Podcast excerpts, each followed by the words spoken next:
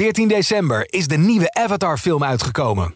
Maak kans op een droomreis naar Walt Disney World in Florida, waar je de wereld van Avatar op de meest spectaculaire manier kunt ontdekken. Ga naar ad of jouw regionale titel.nl slash Disneyworld en maak kans op deze onvergetelijke ervaring.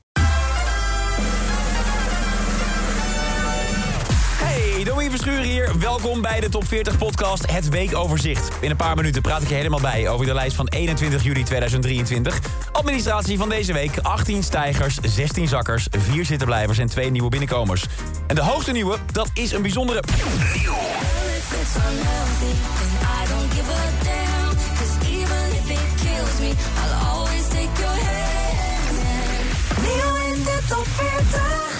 nieuwe muziek van Anne-Marie. Een vaste kracht in de top 40 de laatste jaren. Ze heeft hier vooral acht eerdere hits gescoord. Waaronder een van de grootste dancehits van dit moment... met David Guetta en Coyle Ray, Baby Don't Hurt Me... staat deze week op nummer 14. Hoe leuk dan ook voor Anne-Marie dat ze nu met twee hits tegelijk in de top 40 staat. Al is dat geen wereldnieuws. Nee, wat deze hit zo bijzonder maakt, is die andere zangeres op de track.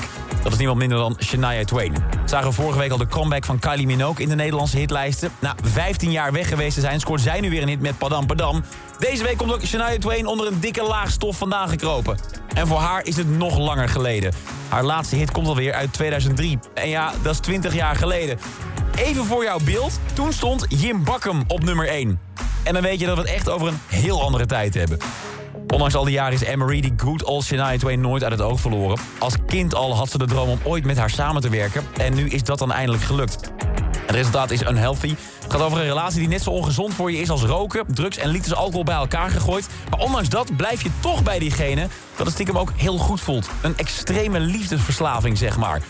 En die unhealthy relatie zorgt voor een healthy hit. Vorige week riepen we het op Q-Musical uit tot alarmschijf. En die hitbelofte maken ze nu een week later al waar. Met een entree in de Nederlandse top 40 als hoogste nieuwe binnenkomer.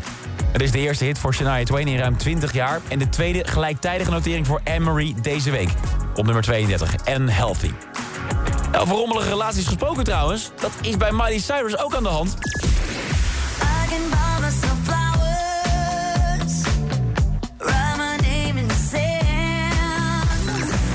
We zijn nog maar net op de helft van 2023... maar kunnen gerust al stellen dat dit het jaar is van Miley Cyrus. Sinds afgelopen januari haar wereldhit Flowers naar buiten bracht... is ze meer terug dan ooit tevoren.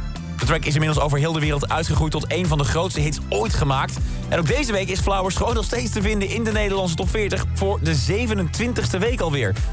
Het is geen geheim meer dat het nummer gaat over haar ex Liam Hemsworth. Sowieso is veel van het album Endless Summer Vacation gebaseerd op hun relatie.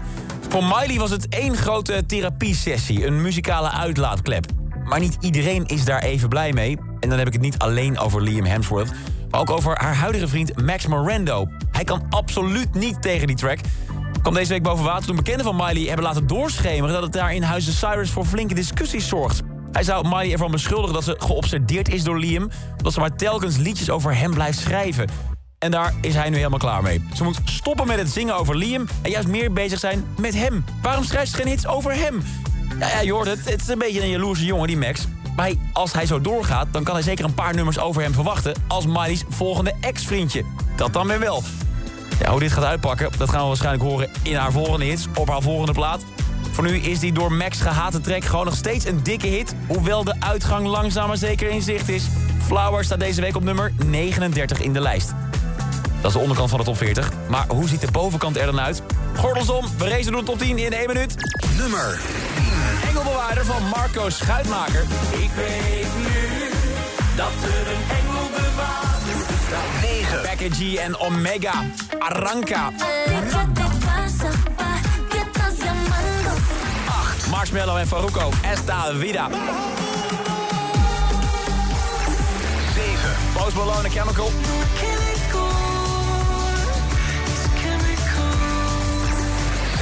Purple Disco Machine met Prince. 5. Calvin Harris met Ellie Golding.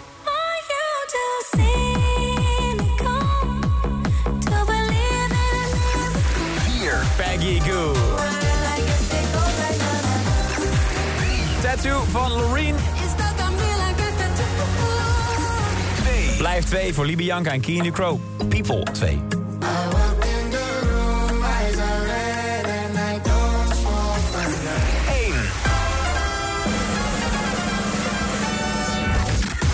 Vergeleken met vorige week... begint het bovenste gedeelte van de top 40 weer wat losser te komen. Maar het erepodium zit nog steeds muur en muur vast. Geen probleem natuurlijk voor Chris Amsterdam, Sophia Reyes en Tiny Tampa. Zij pakken nu een derde week op nummer 1 met Hou Je Samba.